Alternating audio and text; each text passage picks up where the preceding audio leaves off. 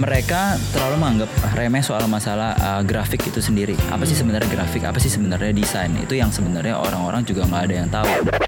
Membuat segala sesuatu tuh jadi lebih mudah.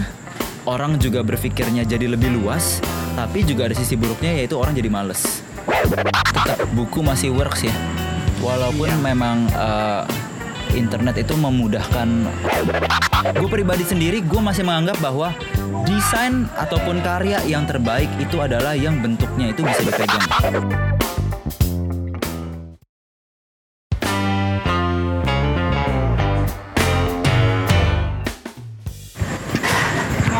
Ya, ketemu lagi sama gue Denny kan kita ada di podcast bertamu kali ini. Dan eh ya dan ini adalah episode pertama dengan dengan siapa nih kita di sini ya? Coba perkenalkan dulu satu-satu di sini gue bareng siapa? Halo Denny, uh, gue Jeffrey. Mau ngomong apa lagi gue? Ah, ah, terus ada siapa lagi nih? gue Iqbal, Terus ada siapa lagi? gue Supri. Oke. Yeah. Dan ya ini gimana nih?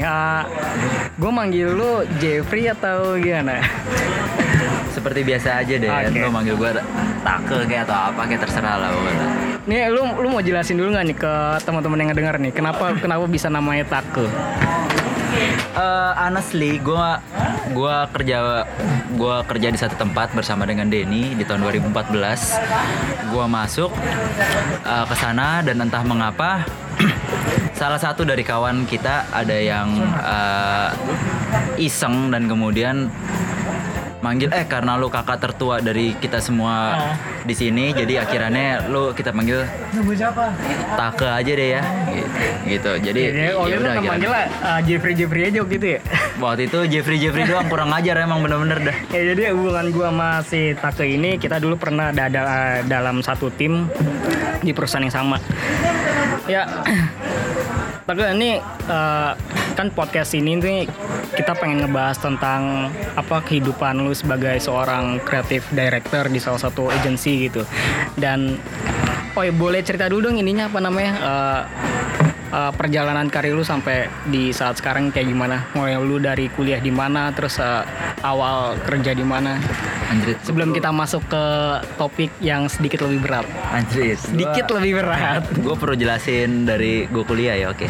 Boleh, boleh. Gue kuliah, eh, mohon maaf kalau emang sedikit panjang. Gue kuliah di tahun 2003. Gue masuk eh, jurusan DKV.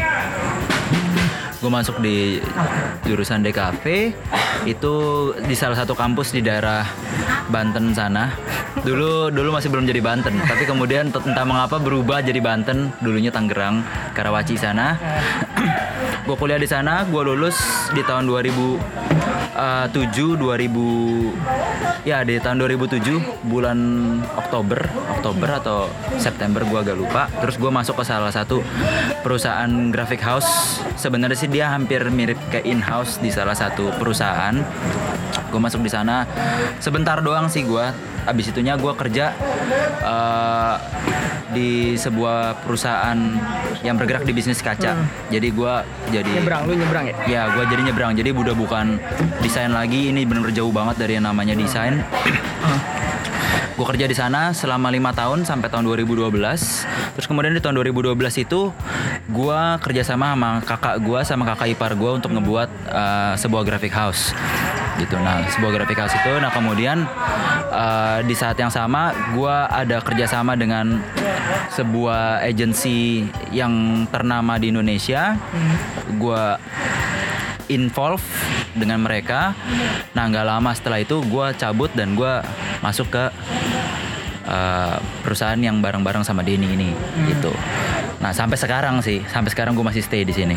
Jadi total lu ngedesain dari dari tahun 2003 ya? Total 15 tahun lu udah udah jalan Uh, di industri sih ini. kalau misalkan emang bener-bener desainnya banget banget sih uh, mungkin gue bisa bilang baru sekitar enam tahunan ya gue bener-bener purely kerja bener-bener di desain banget gitu tapi kalau untuk yang kayak contoh uh, manajerial itu gue tambah lagi plus lima tahun. Oh, lu yang apa eh, yang di kaca itu ng- ngapain tuh? Eh. bisa nyebrang jauh banget dari desain kaca terus lu masuk lagi nih ke desain nih. nah. Nah, jadi uh, saudara gua ada nawarin ke gua gitu kan eh gua lagi pengen bikin perusahaan nih uh, plastik dan kaca. Nah berhubung kaca ini berbau-bau dengan art lu kan juga lulusan desain lu kira-kira mungkin bisa bantu.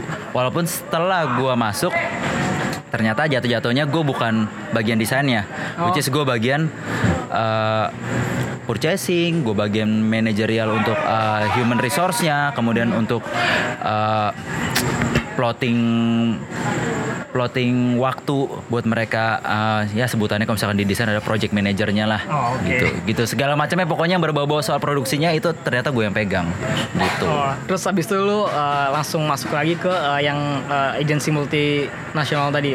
oh enggak jadi abis itunya kakak gue lihat gue cukup uh, Oh, yang bikin. Ya langsung. kakak gue ngelihat eh Jeff lu sayang banget kalau misalkan lu ngabisin waktu lu cuma buat Itu berapa lama sih lu di situ? kaca doang di kaca di kaca itu gue lima tahun Widih. di kaca. Tapi lu ninggalin ninggalin ngedesain semua gitu-gitu nggak? Apa tetap masih lu kulik atau?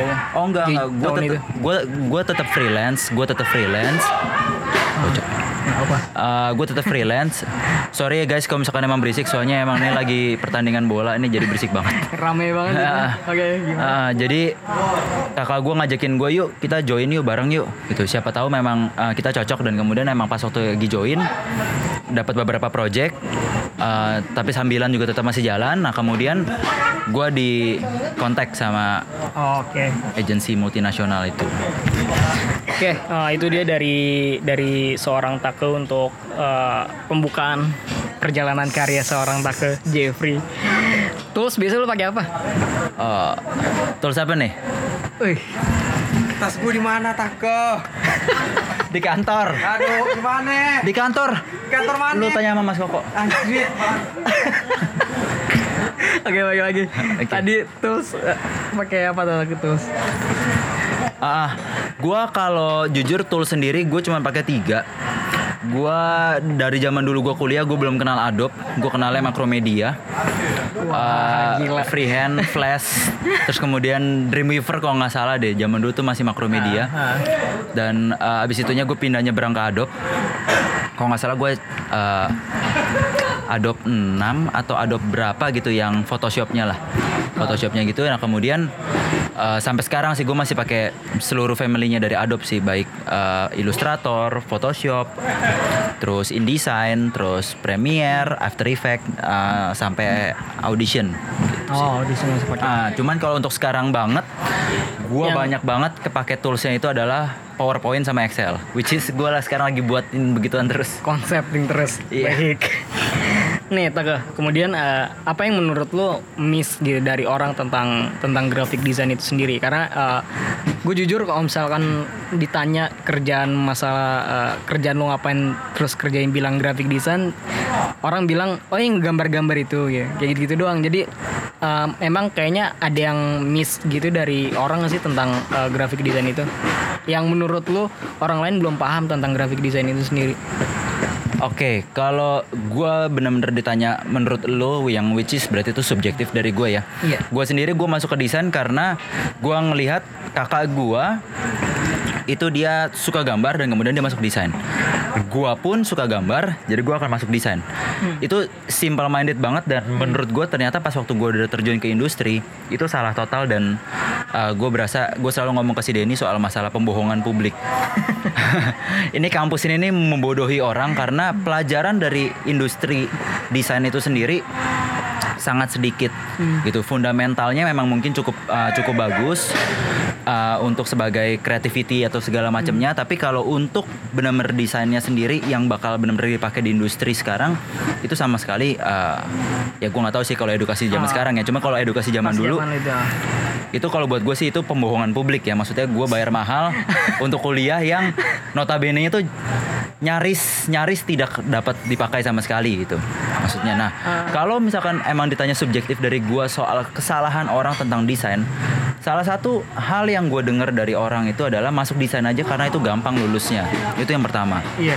Kemudian yang kedua, kalau lu suka gambar, otomatis lu akan masuk desain. Which is itu nggak salah-salah banget, tapi juga nggak bener juga, gitu. Nah sekarang pun juga, kalaupun emang kita bahas soal masalah uh, graphic designer, apa sih yang paling miss di, uh, dengan orang dengan graphic designer ya maksudnya? ya? Gua masuk ke perusahaan yang di mana Denny sebelum apa Denny bekerja di sana. Gue baru membuka mata gua gue baru sadar gue baru ngeh bahwa sesungguhnya orang yang nggak punya basic desain asalkan dia punya taste yang bagus asalkan dia punya kerja keras itu benar-benar bisa menghasilkan karya yang bahkan melebihi daripada gua. Gue selalu ngomong uh, di kantor sekarang gue selalu ngomong eh inget gak zaman dulu ada satu orang legend di kantor namanya Denny Dekur yang which is ini yang sekarang gue lagi ngomong sama sama dia. Jadi kalau buat gue apa yang miss dari uh, seorang graphic designer adalah ke satu mereka terlalu menganggap remeh soal masalah uh, grafik itu sendiri. Apa sih sebenarnya grafik? Apa sih sebenarnya desain? Itu yang sebenarnya orang-orang juga nggak ada yang tahu. Dan which is sampai detik ini pun juga gue masih terus menggali apa itu grafik apa itu desain dan apa itu industri daripada uh, desain itu sendiri. Kemudian yang kedua yang miss dari orang-orang itu adalah mereka selalu punya slogan. Ah, think outside the box berpikirlah di luar daripada box. Ah, terkadang bahkan ada kata-kata yang lebih ekstrim lagi. Jangan berpikir outside the box doang tapi berpikirlah seperti layaknya tidak Iya. ada box. Buat gua itu sah-sah aja semua orang bisa ngomong sama kayak gitu. Tapi sebenarnya itu lu tuh cuma jiplak doang. Lu nggak pernah tahu boxnya itu apa. Gitu loh. Sebelum lu pengen berpikir keluar daripada box lu harus tahu dulu box lu itu apa koridor lu itu apa keterbatasan lu itu apa keterbatasan dari parameter-parameter yang ada dari sebuah desain itu apa baru lu berpikir outside the box ataupun bahkan tidak ada box. Nah itu yang sebenarnya miss. Itu yang kedua. Yang ketiga orang-orang pada pada bicara graphic design itu gajinya gede. Hmm, to be honest enggak. Hmm. jangan membodohi diri sendiri bahwa uh, graphic designer itu gaji gajinya gajinya gede. Itu sangat-sangat tidak uh, berkesinambungan dengan kehidupan lu sehari-hari dengan pekerjaan lu dengan dengan waktu yang lu habiskan untuk ngedesain dengan otak lu yang lu kuras segala macamnya untuk lu berpikir sebuah karya yang kreatif walaupun memang gua nggak pernah mengamini kata-kata uh, akan ada sesuatu hal yang baru Iya. pasti itu adalah uh, rejuvenate ataupun lanjutan, dari Lanjutan yang- teknologi yang sudah Iya. ada karena tidak ada hal yang baru di bawah matahari ini itu yang gua percayai gitu. Hmm. tapi itu dari sudut pandang gua itu yang ketiga kemudian yang keempat graphic designer itu banyak cewek-ceweknya Eh, mungkin iya mungkin benar tapi si- siapa yang bilang tuh kayak gitu? Wah anak-anak kampus gue sih udah udah legendaris banget lah pokoknya anak anak-anak desain cakep segala macam bla bla bla. Which is di saat mereka udah campur-campur cat dan tangannya belepotan serta muka belepotan percayalah anak-anak akuntansi itu jauh lebih cakep ataupun anak-anak perhotelan gitu. Tadi Kayak lu gitu. nyinggung-nyinggung masalah apa namanya tentang em, apa jiplak menjiplak gitu ya. Hmm. Em, gak ada yang original. Nah itu sebenarnya kalau eh, bat ada batasan nggak sih kalau misalnya ngejiplak tuh yang kayak gimana kayak gitu? Oh. Eh, Slogan yang selalu bilang yang ATM ATM itu, nah itu ada ada batasannya itu. Oh iya, gua dulu sering ngomong ke Denny, Den sebelum lu buat uh, sebuah desain, lu ATM dulu. Apaan tuh takel? Uh, amati, tiru, modifikasi. Which is uh, kita berasa kayak bugler gitu loh. Maksudnya lu tuh thief, lu tuh thief dari karya orang segala macam. Gue pernah baca satu uh, kayak semacam tulisan gitu ya di Google Image. Gue lagi search iseng-iseng. Ada tulisannya kayak begini. Zaman dulu kita ambil sesuatu dari karya orang itu adalah plagiat. Iya. Di zaman digital sekarang Ah. itu udah nggak ada yang namanya plagiat. Hmm. Adanya adalah reposisi ataupun repurpose. Oh, Oke. Jadi tujuannya diperbaharui ataupun tujuannya dibedakan. Jadi sebenarnya dibilang plagiat hmm, mungkin bisa masuk kategori plagiat, tapi sebenarnya enggak. Karena dengan kita modifikasi sedikit, orang udah nggak bisa klaim Iya. gitu. Eh, merujuk kayak eh, ada di bukunya Austin Kleon ya, yang judulnya tuh Still Like an Artist. Hmm. Itu buku legend banget. itu itu kalimat legend banget, itu kata-kata legend banget. Hmm. Bahkan sampai di kampus gue dulu orang-orang tuh sampai penasaran, ah, sebenarnya ada nggak sih di, di library dari kampus gue itu tuh ada ada ada buku ataupun ada artikel itu gitu. Ah. Yang which is pada zaman gue ya lu tau lah Dene, belum ada internet sekencang sekarang, belum ada internet sebagus sekarang. Internet masih sesuatu yang mewah banget saat itu ya. Banget, banget, bangetan, banget, bangetan. Berapa ratus kilobyte tuh harganya berapa ratus ribu ataupun sampai jutaan gitu kan. Nah, sekarang sih mungkin lu bisa nemuin dengan Eh, gampang gitu kan gampang. maksud gue kan. Ya, cuman still like an artist. Gue bahkan gak bisa bilang still. Kalau seseorang mengambil karya gue, which is kayak contoh misalkan, gue nggak buat sesuatu dan kemudian uh, karyawan ataupun teman-teman di di di kantor gue mengambil desain gue dan kemudian dimodifikasi sama dia lebih canggih dan kemudian dikasih kepada klien dan dan klien bilang wah ini works banget.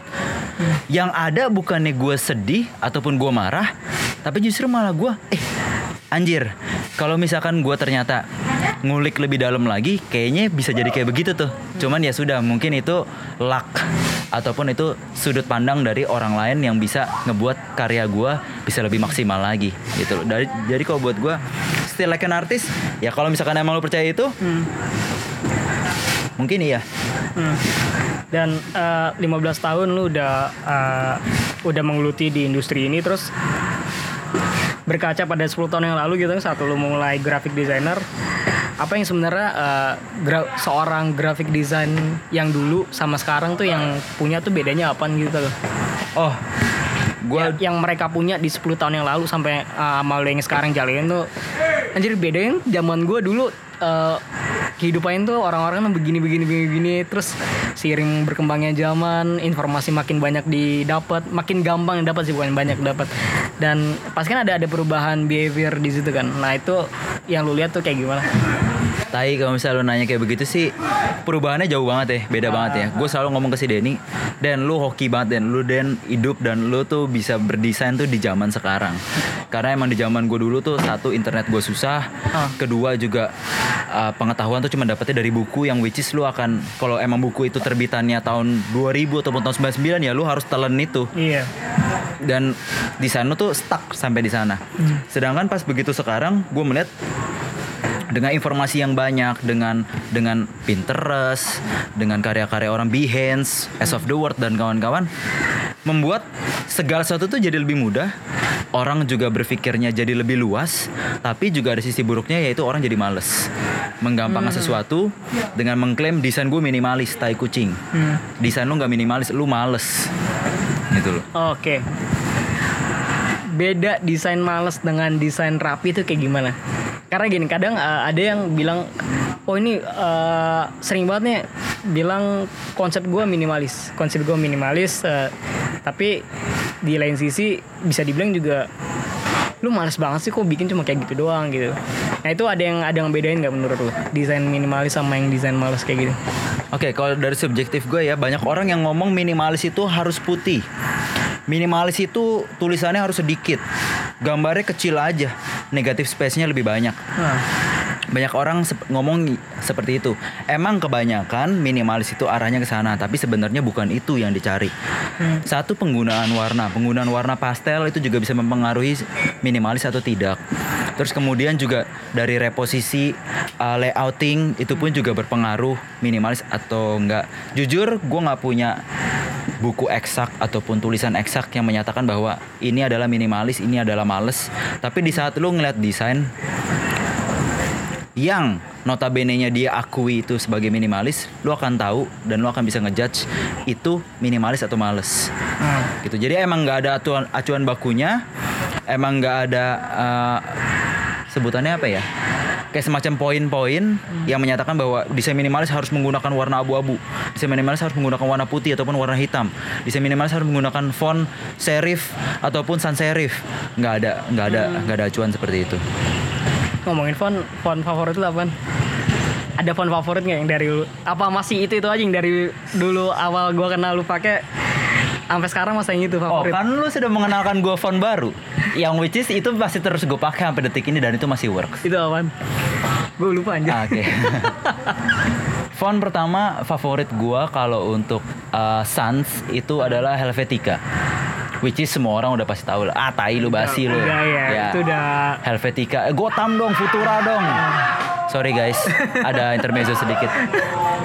Ya eh, Mungkin kalau gue ngomong Helvetica doang Itu mungkin eh, terdengar biasa. Tapi gue menghargai Helvetica. Nah kemudian Denny dan salah satu eh, karyawan di kantor eh, kita dulu itu mengenalkan satu buah font eh, namanya Avenir. Nah, Oke. phone Avenir itu sampai sekarang masih works di gua, walaupun sudah overuse, masih works di gua. Tapi uh, anak IT gue suka marah-marah karena itu bukan phone Google. itu itu eh, kebetulan Super itu anak IT-nya. ya, aduh, kebaca dah. Ah, ah. Jadi dia suka marah-marah. Jadi phone Avenir itu masih works buat gua untuk Sans ya. Hmm. Uh, kalau Denny tuh sukanya kalau nggak Open Sans tuh Proxima. Kayaknya Open Sans deh. itu itu Google Phone yang paling gampang sih itu. Itu Nah. pelarian sebenarnya. Aduh Den, Den. Nah kalau untuk Ya. serif, gue paling suka Baskerville. Itu sampai detik ini gue masih pakai Wah, Baskerville. tua sekali phone. Dan itu masih works banget buat gua. Ada orang debatin gue soal masalah Baskerville, kerning, leading segala macamnya, gua akan mendefense habis-habisan. Nggak, kalau lu berasa kerningnya masih kurang, leadingnya masih masih masih kurang, gue betulin. Tapi gua nggak akan pernah ganti itu phone. Gitu. Eh, terus eh, ya, balik. masalah ah balik. Terus eh, tadi udah kita ngomongin era digital sekarang ini kan informasi makin gampang banget. Nah, menurut lu nih untuk ningkatin sebenarnya ningkatin kreativitas eh, kita kita ini sebagai eh, orang yang pengen banget masuk ke dunia desain atau yang lagi menjalanin seorang jadi seorang graphic design itu kayak gimana tak menurut lu? Di era digital kayak gini informasi banyak banget, gampang banget diambil. Satu, kalau buat gua tetap buku masih works ya.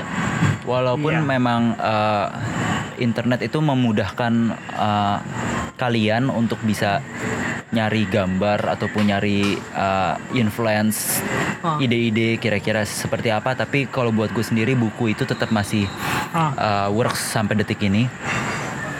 Jadi kalau bisa eh, saving duit eh, beli buku, beli buku-buku soal art, art apa pun ya. Gua nggak gua nggak bilang cuman art tuh harus desain. Nggak, lu bisa ke mural, lu bisa ke digital, lu bisa ke sculpture, lu bisa ke eh, interior, lu bisa ke ar- apa arsitektur, semuanya bisa. Nah. bahkan sampai ke filosofi pun juga bisa. produk produk atau karya seni gitu yang eh, tadi ngomongin kayak produk dari desain itu sendiri kan ada banyak macam nah produk atau karya seni yang menurut lo merepresentasikan desain yang bagus itu kayak gimana? Ada nggak menurut lo? Bentuk bentuknya apa? Terus eh, sebutnya kayak kayak gimana gitu? Oh, itu yang tadi gue bilang. yang yang yang pernah lu lihat gitu yang oh ini bagus banget ternyata nih kayak gimana gitu Ah, gue cerita sedikit. Gue punya satu dosen dulu, dia angkatan 2000, eh, dia angkatan 97. Jadi rata-rata dosen di kampus gue itu angkatan 94, which is kampus gue baru, baru pertama kali eh, berdiri itu tahun 94. Rata-rata rata-rata dosen gue itu angkatan 94. Tapi ini khusus satu dosen cewek. Gue boleh sebutin namanya sih. ya serah gimana boleh Oke. aja sebenarnya Namanya Cecil, namanya Cecil Mariani. Dia angkatan tahun 97. Ah. Dia temen gue juga. Kita sering nongkrong bareng segala macam waktu zaman dulu kuliah ya. Nah, gua pernah ngelihat satu karya zaman dulu masih zamannya poster Den. Oh, oke oh poster masih booming Ya, ya belum ada tuh namanya Instagram dan dan Nah. sosial media dan kawan-kawan tuh masih belum ada. Jadi zamannya poster, publikasinya lewat poster dulu ya iyo dong. Apalagi udah nggak ada lagi gitu loh. Ah. Medianya ya poster, billboard dan kawan-kawan lah pokoknya. Nah, dia ngebuat satu karya desain itu 3D maju ke depan dan posternya. Jadi posternya itu 3D maju ke depan. Dan dia biasanya kalau kalau kalau kalau gue nggak salah dengar dari dosen-dosen yang lain, dia biasanya tuh dia masuk ke 100 besar karya terbaik di dunia. Oke. Nah, tapi pada saat itu dia di reject karena karya terbaik itu, karyanya yang dimaksud adalah poster 2D. Gitu. Tapi dia bikinnya tapi dia bikinnya 3D maju ke depan. Dan itu ngebuat dia jadi uh, Yes. fail dan kemudian dia marah dan dia uh, maksudnya dia berasa inilah, dia berasa kecewa lah. Nah, gue pribadi sendiri gue masih menganggap bahwa desain ataupun karya yang terbaik itu adalah yang bentuknya itu bisa dipegang Mhm. sama tangan gue. Karena kenapa? Satu, sense gue, mata gue mungkin bisa membohongi gue. Hmm. Tapi di saat lu sudah pegang tangan kiri lu dan tangan kanan lu, which is gue pernah lihat orang yang bisa tahu gramasi dari kertas, jenis kertas itu tuh dari cara dipegang ataupun dijilat, itu gue sangat-sangat menghargai, highly respect itu. Jadi sampai detik ini, kalau ada orang yang ngebuat sesuatu dalam bentuk yang gue bisa pegang, visualnya dalam bentuk yang bisa gue pegang, itu pasti akan gue bilang anjing, ini keren banget Hmm. gitu digital gak keren dong tak ke website gak keren dong oh enggak juga mereka bagus tapi kalau buat gue pribadi sendiri mm-mm. gue tetap masih pegangnya old school. Baik. Nah, eh, dari dari seorang desainer itu tak menurut lu seberapa penting gak sih eh, mereka tuh punya empati gitu? Empati empati bagi seorang graphic designer itu penting banget gak sih? Empati lu? dalam hal apa nih maksudnya? Gini, em, dalam hal ketika lu mendesain kan eh, mungkin ada yang nggak mikirin perasaan orang yang em, siapa yang menikmati karya lu gitu. Nah sebenarnya Oh. sebenarnya itu penting atau enggak sih sebenarnya kayak gitu? Atau memang eh, idealis lu aja yang yang ada di di kepala lu gitu pas pas saat membuat sesuatu gitu? Berapa tahun yang lalu eh, mungkin tahun 2012 sampai 2015 2016 ya. Eh, desain-desain di Indonesia tuh rata-rata tuh umumnya khususnya gue bicara di agensi ya Den ya. Iya. Itu memikirkan core dari eh, sebuah brand itu tuh dia mau ngomong apa di campaign ini ataupun di sebuah poster ini ataupun di sebuah gambar ini. Mereka memikirkan dengan pasti, memikirkan siang dan malam segala macam untuk mikirin gua pengen sampein apa sehingga orang tersebut eh, nangkep maksud gua dan kemudian membeli produk gua ataupun menyukai produk gua. Hmm. Nah, tapi semakin ke sini, gue udah coba untuk berdiskusi dengan dengan beberapa orang-orang juga senior senior gue juga. Brand sudah nggak terlalu peduli dengan yang namanya eh, apa yang gue mau ngomongin ke lu. Intinya adalah gue mau jual produk ke lu dan lu harus beli. Oh ya. Caranya dibungkusnya kayak bagaimana? Kita harus bikin sebuah cerita, sebuah story, sebuah ini yang bagus sekali segala macam sehingga bisa menggugah orang. Eh, kita lihat billboard, begitu banyak eh, e-commerce yang pasang billboard. Iya. Satunya si hijau, si orange, si merah, Iya. si biru. Nah itu mereka mungkin punya meaning tersembunyi di belakangnya. Tapi cara penyampaian mereka sekarang itu kalau buat gua, gua merasanya ya dengan bombardirnya billboard, eh, Instagram dan kawan-kawan itu eh, hard sell. Sekarang balik lagi ke zaman dahulu kala di saat di Amerika dulu orang-orang menjual sabun dengan cara ketok pintu Oh, Oke ya. dengan cara ketok pintu uh, dan kemudian orang tersebut ditawarin sabun segala macam sikat dan kawan-kawan orang tersebut mau beli atau enggak sampai satu satu titik di mana uh, desain itu berkembang sehingga orang nggak perlu datangin ketok-ketok. Orang bisa beli di minimarket ataupun di supermarket dengan menggunakan iklan. Uh, gue merasa ada pergeseran di sana Hmm. akhirnya ke soft sell. Mungkin iklan-iklan di luar negeri masih mengandalkan soft sell betul. Cerita lu apa? Lu pengen ngomong apa segala macam. Tapi uh, gua nggak tahu sih ya atau mungkin Ah. klien di perusahaan ini saja ataupun di tempat-tempat lain, Ah. mereka lebih anggapnya adalah seberapa banyak gue bisa grab attention. Ah. Gua nggak perlu caranya gimana. Ah. Yang penting mereka akan beli Ah. barang gue dan barang gue laku. Nah, kalau buat gue itu ada pergeseran yang seharusnya lu ada empati kepada brand, kemudian lu ada ada empati terhadap orang yang melihat apakah berasa terusik, apakah berasa tersakiti, apakah berasa uh, menggait daripada attention mereka, daripada uh, sisi humanis mereka. Sekarang kalau gua rasain udah nyaris dingin sih, maksudnya udah udah nggak berasa ke sana. Oh sedikit informasi. Zaman dulu gua gua gua udah cerita ini ke Denny udah berapa kali.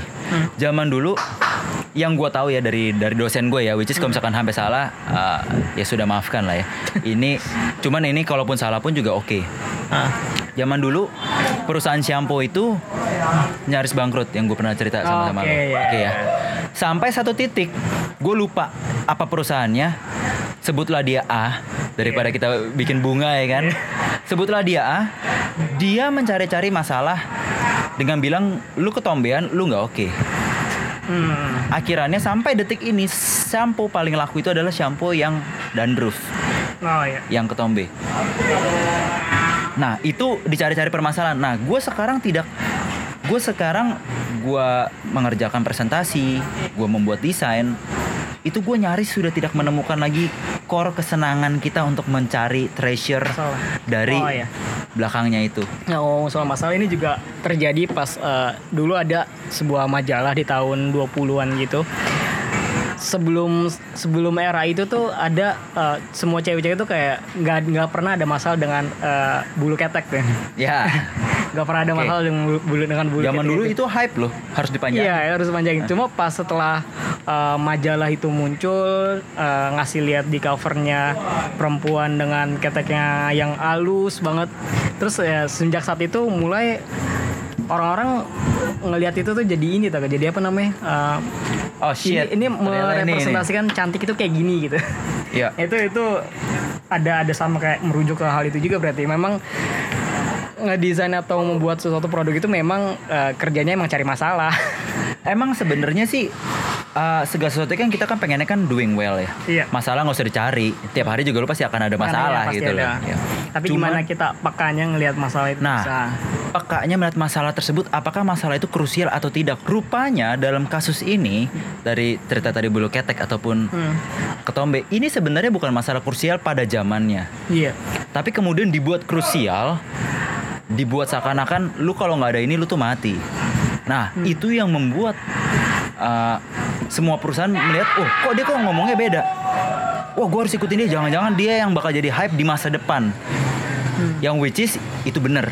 Nah, kesenangan untuk mencari harta karun tanda kutip Ah. hal-hal seperti itu mencari-cari masalah, mencari-cari storyline di belakangnya itu, itu yang gue rasakan sekarang sudah hilang dan bahkan gue sendiri merindukan sometimes untuk waktu-waktu seperti itu. Tapi terkadang tuntutan dari klien-klien yang begitu banyak segala macam yang mereka mengharapkan eh coy gue revisi ya jam 11 malam Hmm. besok pagi jadi ya jam 5 soalnya gue udah pakai buat presentasi yang which is semua tulisan-tulisan yang ada di di semua agensi kayak Yes. kayak Dan semua tulisan-tulisan Google gitu. ataupun di Instagram ada tuh gue pernah lihat tuh. Ah, Ada tuh satu akun yang isinya tuh soal masalah tragis-tragis daripada desain lah. drama-drama di agensi Iya, gitu. drama-drama di agency itu semuanya nggak ada yang bohong gitu loh. Jadi kalau kalian baru pengen terjun coba-coba doang desain ah biar cepet lulus atau segala macam atau biar keren lah ininya nggak men nggak serius nggak.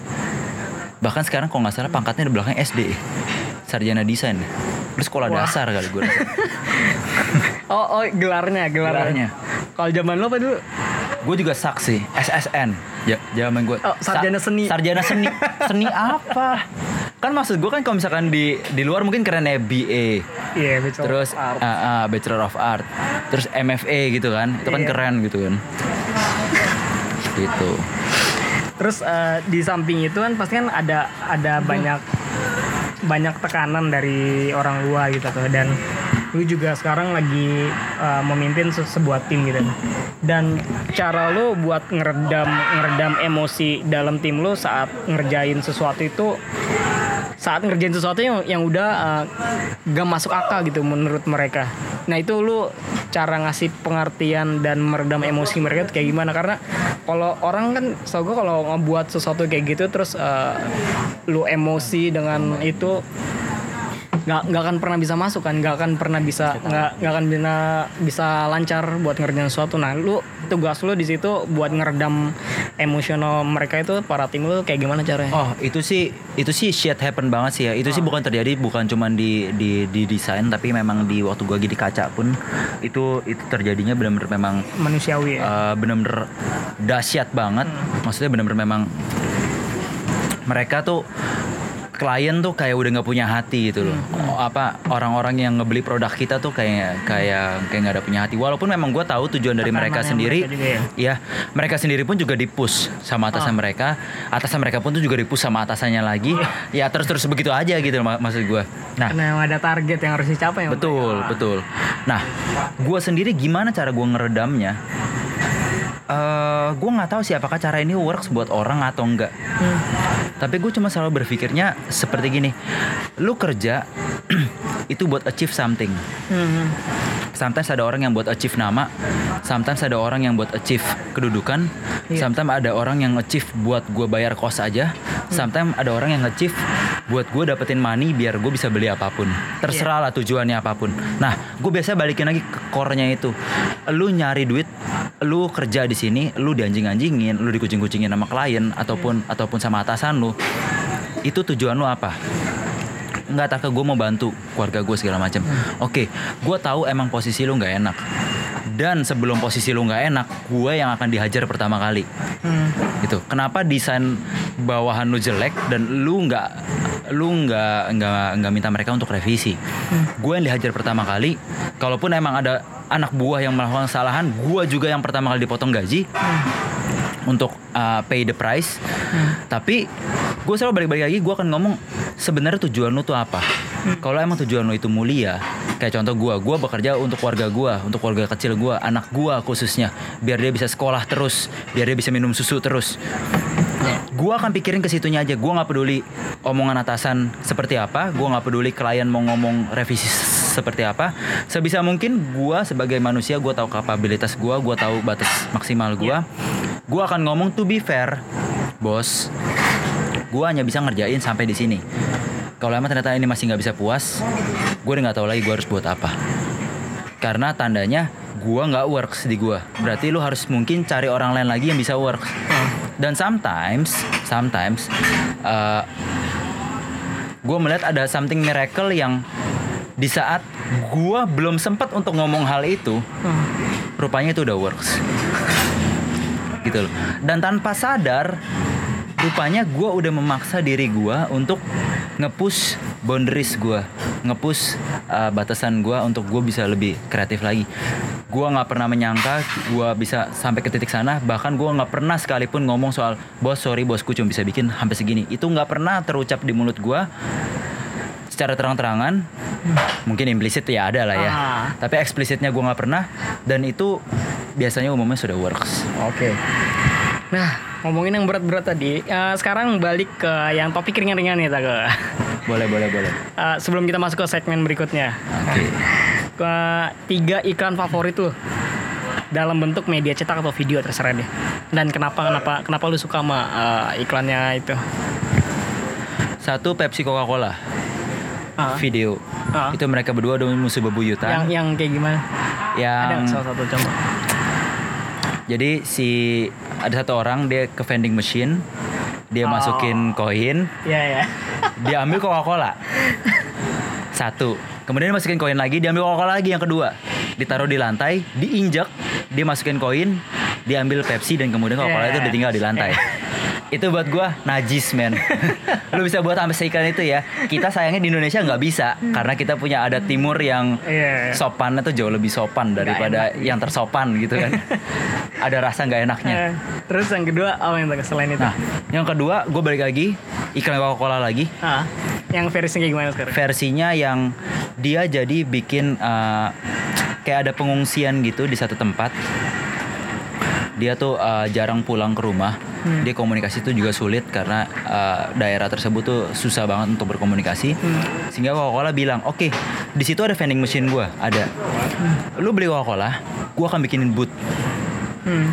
Booth tersebut akan bisa telepon ke seluruh keluarga lu yang ada seluruh Oh, dunia iya, iya, iya. dengan harga satu cap dari Coca-Cola gue. Hmm, hmm. Itu buat gue keren.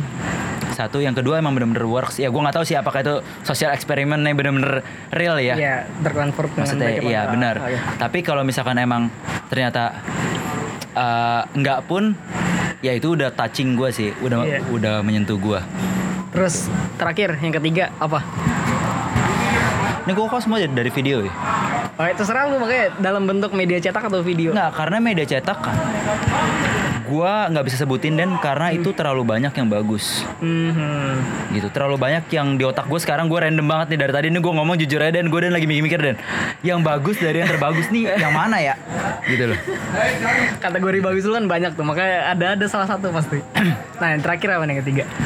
sebenarnya sih mungkin ada tapi eh, gua coba untuk video lagi karena ini eh, gua bilang benar-benar bagus ya.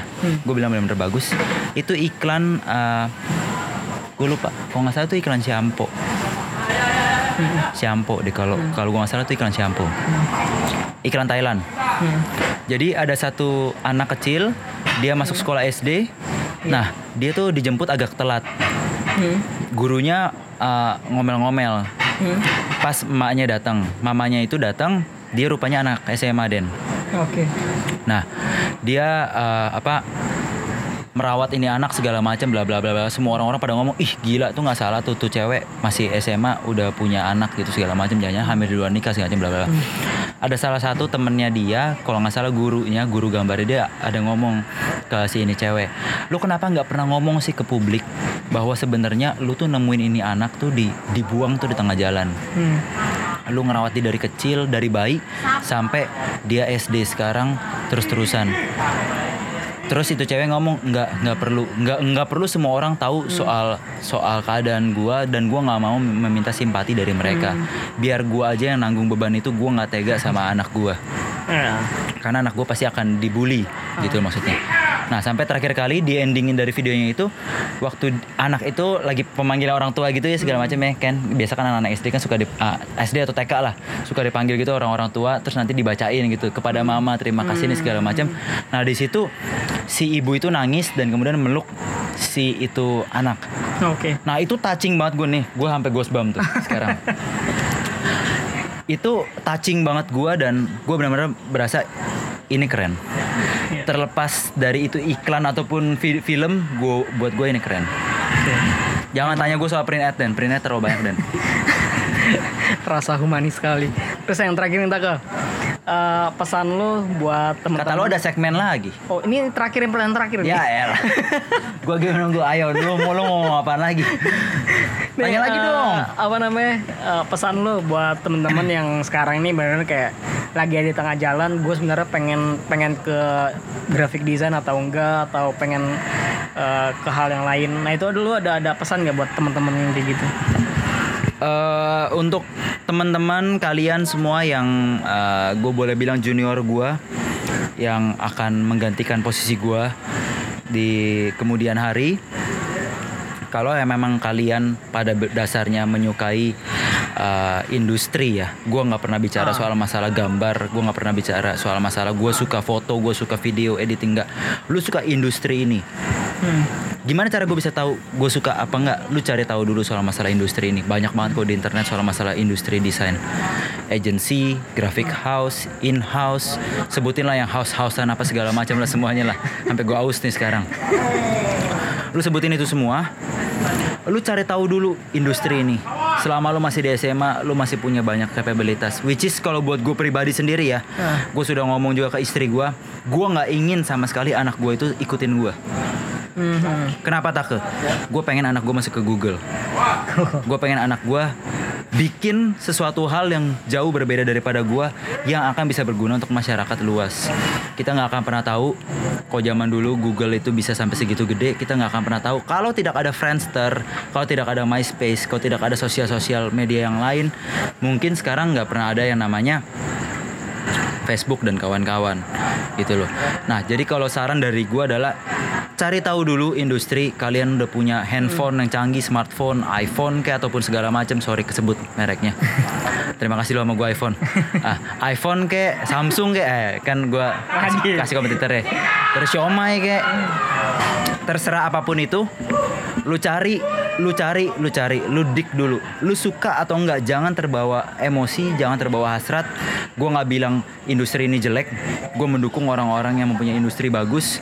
Karena kalau suatu saat pun gue beralih profesi menjadi uh, seorang bisnismen gue akan meng-hire agency yang bisa membuatkan desain yang bagus otomatis dan works buat gue nah jadi kalau emang kalian suka kalian masuk ke desain kalian tekuni.